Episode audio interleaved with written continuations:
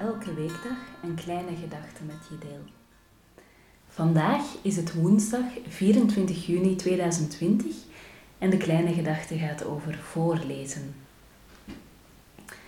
Wanneer ben jij voor het laatst voorgelezen? Niet wanneer heb jij voor het laatst voorgelezen, maar wanneer ben jij voor het laatst voorgelezen? Wanneer heeft er voor het laatst iemand voor jou voorgelezen? En kan jij je nog herinneren hoe het voelt om voorgelezen te worden? Om niets te doen behalve liggen of zitten, luisteren, ontvankelijk zijn, voor je uitstaren of je ogen sluiten. En zo helemaal ontvankelijk en open zijn in een verhaal of naar een verhaal toe. Vandaag ga ik jou een verhaal voorlezen. Het verhaal heet De Wimper van de Wolf. En het komt uit een dik boek en dat dik boek dat uh, sla ik nu open. Voilà. Als je het bos niet ingaat, zal er nooit iets gebeuren en zal je leven nooit beginnen. Ga het bos niet in, ga niet, zeiden ze. Waarom niet? Waarom zou ik vanavond het bos niet ingaan? vroeg ze. Er woont daar een grote wolf die mensen zoals jij opeet. Ga het bos niet in, ga niet, dat menen we. Natuurlijk ging ze wel. Ze ging toch het bos in en natuurlijk kwam ze de wolf tegen, precies zoals ze haar gewaarschuwd hadden. Zie je wel, we hebben het je gezegd, hoonde ze. Dit is mijn leven, geen sprookje, domkoppen, zei ze. Ik moest het bos ingaan en de wolf ontmoeten, anders zal mijn leven nooit beginnen. Maar de wolf die ze tegenkwam zat in een klem. In een klem zat de poot van de wolf. Help me, oh help me, ai, ai, ai, schreeuwde de wolf. Help me, oh help me, schreeuwde hij. En ik zal je rechtvaardig belonen. Want zo gedragen wolven zich nu eenmaal in dit soort verhalen. Hoe weet ik dat je me geen kwaad zult doen? vroeg ze. Het was haar taak om vragen te stellen. Hoe weet ik dat je me niet zult doden en me levensloos zult achterlaten? Verkeerde vraag, zei de wolf. Je zult me op mijn woord moeten geloven. En de wolf begon opnieuw en nog meer te schreeuwen en te jammeren. O, ai, ai, ai. Slechts één vraag is het waard. Gesteld te worden, schone maagd, Waar is de ziel? O, arme wolf, ik zal het erop wagen. Goed dan, hier. En ze opende de klem en de wolf trok zijn poot eruit en ze verbond deze met kruiden en bladeren. Ah, dank je, lieve maag, dank je, zuchtte de wolf. En omdat ze te veel verkeerde verhalen had gelezen, riep ze: Vooruit, dood me nu maar, dan is het tenminste voorbij. Maar nee, dit geschiedde niet. In plaats daarvan legde de wolf zijn poot op haar arm. Ik ben een wolf van een andere tijd en plaats, zei hij, en hij plukte een wimper uit zijn ooglid en gaf die aan haar. En hij zei: Gebruik deze en wees wijs. Van nu af aan zal je weten wie goed en wie niet zo goed is. Kijk maar door mijn ogen, dan zul je scherp kunnen zien. Je hebt me laten leven, daarom smeek ik je te leven, zoals je nooit eerder hebt gedaan. Vergeet niet dat slechts één vraag het waard is gesteld te worden, schone maagd. Waar is de ziel? En zo keerde ze terug naar het dorp, dankbaar dat ze nog leefde.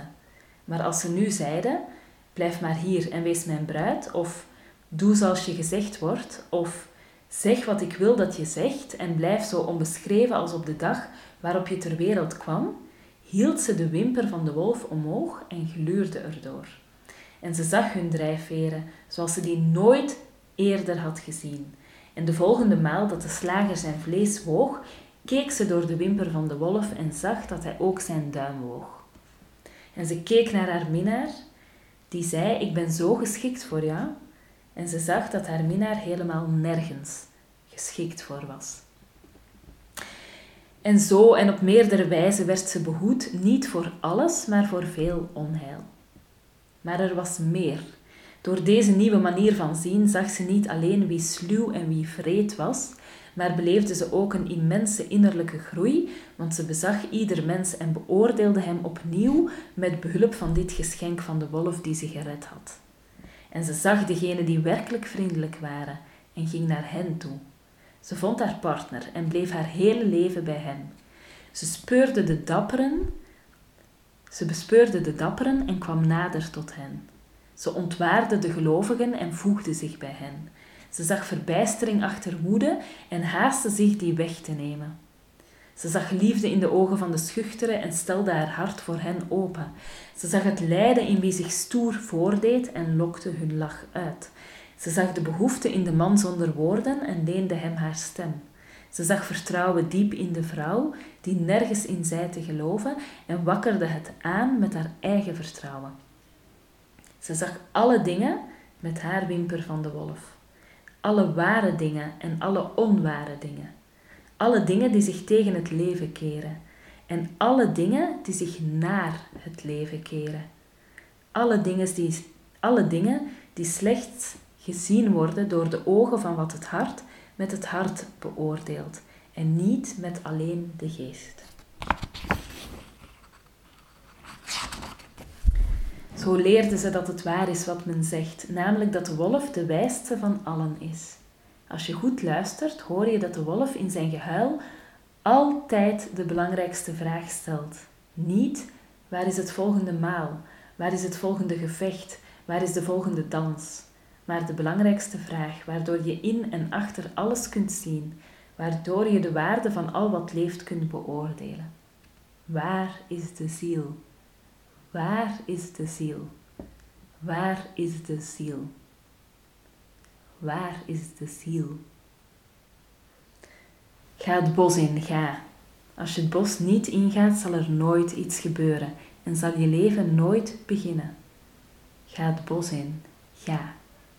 Ga het bos in. Ga. Ga het bos in. Ga.